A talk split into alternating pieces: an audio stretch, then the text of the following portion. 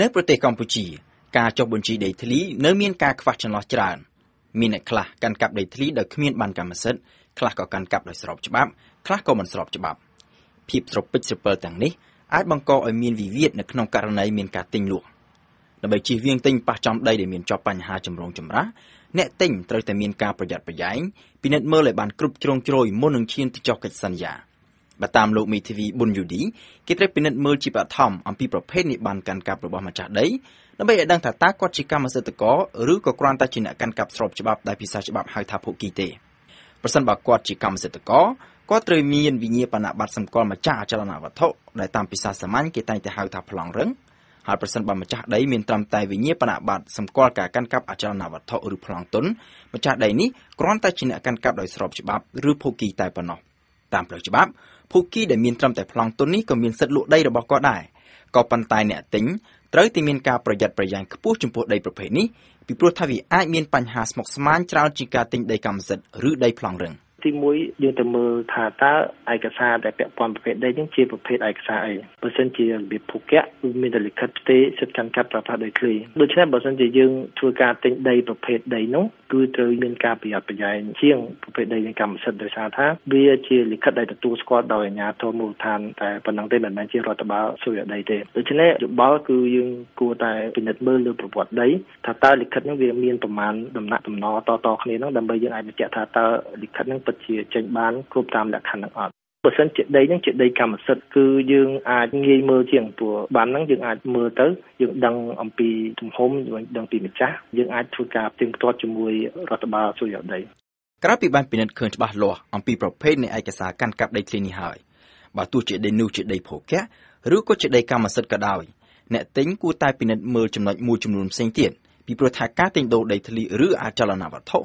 បញ្ហាមិនមែនចោទតែទៅលើរឿងកម្មសិទ្ធិមួយនោះទេស្ថានភាពជុំវិញដីឬក៏បញ្ហាផ្សេងផ្សេងទៀតដែលអាចជាបន្ទុកជាប់នៅលើដីនោះក៏អាចបង្កជាបញ្ហាផងដែរទៅថ្ងៃក្រោយចំណុចដែលយើងព្យាយាមពិនិត្យមើលគឺថាតើដីនោះឬក៏អចលនវត្ថុនោះមានជាប់បន្ទុកណាមួយដែរទេបន្ទុកនោះគឺថាវាអាចជាការដាក់ធានាបញ្ចាំទៅលើអចលនវត្ថុនោះឬមានការជួលដីនោះ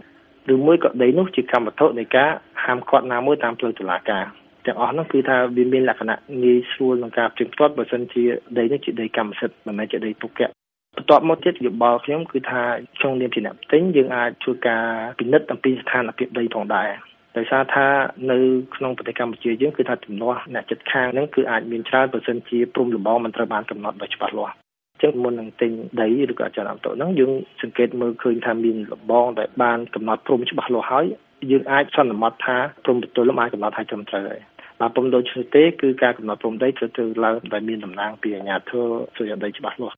បន្ទាប់មកទៀតយើងត្រូវព្យាយាមស្ទាបស្ទង់ថាតើដីនឹងអាចកាត់ជាចំណាយផ្លូវដែរឬអត់ដោយសារតែប្រទេសកម្ពុជាយើងឥឡូវវាចាប់ដើមអភិវឌ្ឍអញ្ចឹងមានពេលខ្លះទៅការពង្រីកផ្លូវសាធារណៈទៅវាមានការប៉ះពាល់នឹងផ្លូវហើយគម្រោងទាំងអស់នោះគឺយើងអាចដឹងដោយសារការស្ទាបសួរព័ត៌មានរបស់យើងជាដើម ដូច្នេះបើសិនជាយើងទិញដីណាដែលវាជាកម្មវត្ថុនៃការហ្នឹងយើងត្រូវដឹងមុនថាចំណាយប្រមាណដែលត្រូវកាត់ជាផ្លូវសាធារណៈក្រោយពីបានពិនិត្យផ្ទៀងផ្ទាត់ច្បាស់លាស់លើចំណុចទាំងនេះហើយឃើញច្បាស់ថាអចលនវត្ថុនេះអ្នកលក់មានសិទ្ធិកាន់កាប់ស្របច្បាប់ព្រំដីគឺមានការកំណត់ច្បាស់លាស់រួចរាល់ការជាប់ជំពាក់ចម្ពិននឹងការជួលបញ្ចាំឬក៏បន្ទុកផ្សេងផ្សេងទៀតក៏គ្មានហើយក៏មិនចូលជាចំណាយផ្លូវដែលរដ្ឋត្រូវសាងសង់គឺដល់ពេលដែលគេត្រូវនិយាយអំពីការចុះកិច្ចសន្យានិយាយអំពីការចុះកិច្ចសន្យា អ្វីដែលគេត្រូវពិនិត្យមើលជាបឋមគឺអំពីសមត្ថភាពរបស់អ្នកចុះកិច្ចសន្យាភាគីម្ខាងម្ខាងត្រូវពិនិត្យមើលឲ្យបានច្បាស់លាស់ថាតើភាគីម្ខាងទៀតមានសិទ្ធិពេញលេញក្នុងការចុះហត្ថលេខាឬផ្តិតមេដាយលើកិច្ចសន្យានេះបានដែរឬទេក្នុងករណីនេះគឺយើងត្រូវព្រៀងទាត់ចំណុច2ទី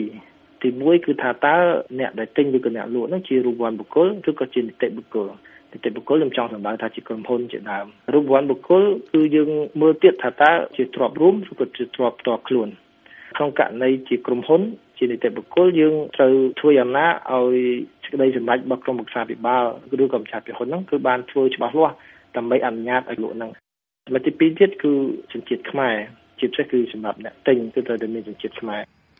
ការទិញដូរអចលនវត្ថុគឺជាកិច្ចសន្យាដែលមានលក្ខណៈពិសេសគូភាគីមិនអាចចុះហត្ថលេខាតាមទម្រង់ជាលិខិតឯកជនបាននោះទេដើម្បីឲ្យកិច្ចសន្យាមានសុពលភាពពេញលេញតាមផ្លូវច្បាប់ កិច្ចសន្យាទិញដូរអចលនវត្ថុត្រូវតែធ្វើឡើងនៅក្នុងទម្រង់ជាលិខិតយថាភូតដោយគោរពតាមទម្រង់និងនីតិវិធីដែលកំណត់ដោយច្បាប់ពោលគឺកិច្ចសន្យាត្រូវធ្វើជាលិលាអក្សរនិងមានការទទួលដឹងឮពីអាជ្ញាធរមានសមត្ថកិច្ចម្យ៉ាងទៀតប្រសិនបើការទិញដូរនេះធ្វើឡើងលើដីកម្មសិទ្ធិមានន័យថាអ្នកលក់គឺជាកម្មសិទ្ធិករកាន់ប្លង់រឹងក្រោយពីបានចុះកិច្ចសន្យាហើយ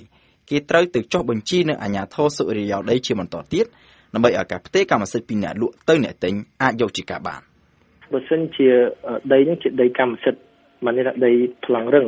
ការផ្ទេរកម្មសិទ្ធិហ្នឹងគឺធ្វើដោយលិខិតយថាភូតគឺមានទម្រង់មួយដែលរដ្ឋបាលសុរិយោដីគេដាក់ឲ្យយើងប្រើប្រាស់គេហៅថាលិខិតលោកផ្ដាច់នោះហើយនៅក្នុងលិខិតលោកផ្ដាច់ហ្នឹងនីតិវិធីរបស់គេគឺអ្នកទិញអ្នកលក់ហើយតែគេតម្រូវឲ្យមានសាក្សីម្នាក់មួយផងនោះព្រឹកលេដៃបញ្ជាក់អំពីការយល់ព្រមរបស់ខ្លួនហ្នឹងទៅលើការទិញលក់ហ្នឹងបន្ទាប់ពីហ្នឹងមកហើយគឺអាជ្ញាធរស្រុកធ្វើការដឹងឮអំពីការផ្ទេរកម្មសិទ្ធិនោះ បន្ទាប់មកទៀតកាយឡ័យសុយោដីកម្រិតស្រុកគាត់ធ្វើការបញ្ជាក់អំពីភាពត្រឹមត្រូវនៃការផ្ទេរនោះរួចហើយមិនគាត់ផ្ទេរសំណុំឯកសារមកដល់មន្ទីរសុយោដីកម្រិតខេត្តបន្ទាប់ពីបានពិនិត្យមើលឃើញថានីតិវិធីនឹងត្រឹមត្រូវហើយអាជ្ញាធរនឹងតម្រូវឲ្យមានការបង់ពន្ធទៅលើការផ្ទេរនឹងការបង់ពន្ធនឹងបច្ចុប្បន្នគឺអត្រា4%នៃតម្លៃរបស់ដីអចលនវត្ថុនឹង បន្ទាប់ពីយើងធ្វើការបង់ពន្ធហើយខាងពន្ធដារខេត្តគេនឹងចេញជាបង្កាន់ដៃមួយដែលបញ្ជាក់ពីការបង់ពន្ធហ្នឹង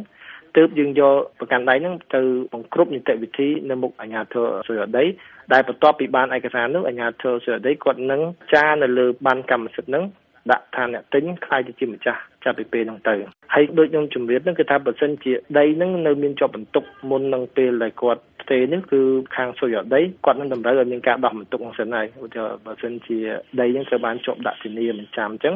គឺគាត់ឲ្យយើងដោះបន្ទុកហ្នឹងសិនបានគាត់ធ្វើការផ្ទេរកម្មសិទ្ធិនឹងអភិបាលនីតិវិធីនេះគឺតកតងទៅនឹងការទិញដូរដីកម្មសិទ្ធិឬដីប្លង់រឹងផ្ទុយទៅវិញប្រសិនបើការទិញដូរនេះធ្វើឡើងលើដីភូកៈមានន័យថាម្ចាស់ដីមានត្រឹមតែប្លង់ទុន កិច្ចសន្យាធ្វើឡើងដោយតម្រូវឲ្យមានការដឹងឮត្រឹមតែអាជ្ញាធរដែនដីតែប៉ុណ្ណោះដោយមិនចាំបាច់ទៅធ្វើការចុះបញ្ជីផ្ទេរកម្មសិទ្ធិនៅអាជ្ញាធរសុរិយោដីដូចក្នុងករណីដីកម្មសិទ្ធិនោះទេបើប្រសិនជាប្រភេទជាភូកៈគឺអត់មានការចុះបញ្ជីនៅចំពោះមុខសុរិយោដីទេពីព្រោះហេតុអីពួកដីហ្នឹងវាអត់ទាន់ចុះបញ្ជីនៅក្នុងប្រព័ន្ធរដ្ឋបាលសុរិយោដីអញ្ចឹងក្នុងករណីហ្នឹងគឺយើងធ្វើក្រោមពាក្យមួយគេថាលិខិតផ្ទេរសិទ្ធិគ្រប់គ្រងប្រើប្រាស់ដីធ្លី ហើយលិខិតហ្នឹងការអនុវត្តបច្ចុប្បន្នគឺតម្រូវឲ្យមានការដឹងឮអំពីអាជ្ញាធរដែនដី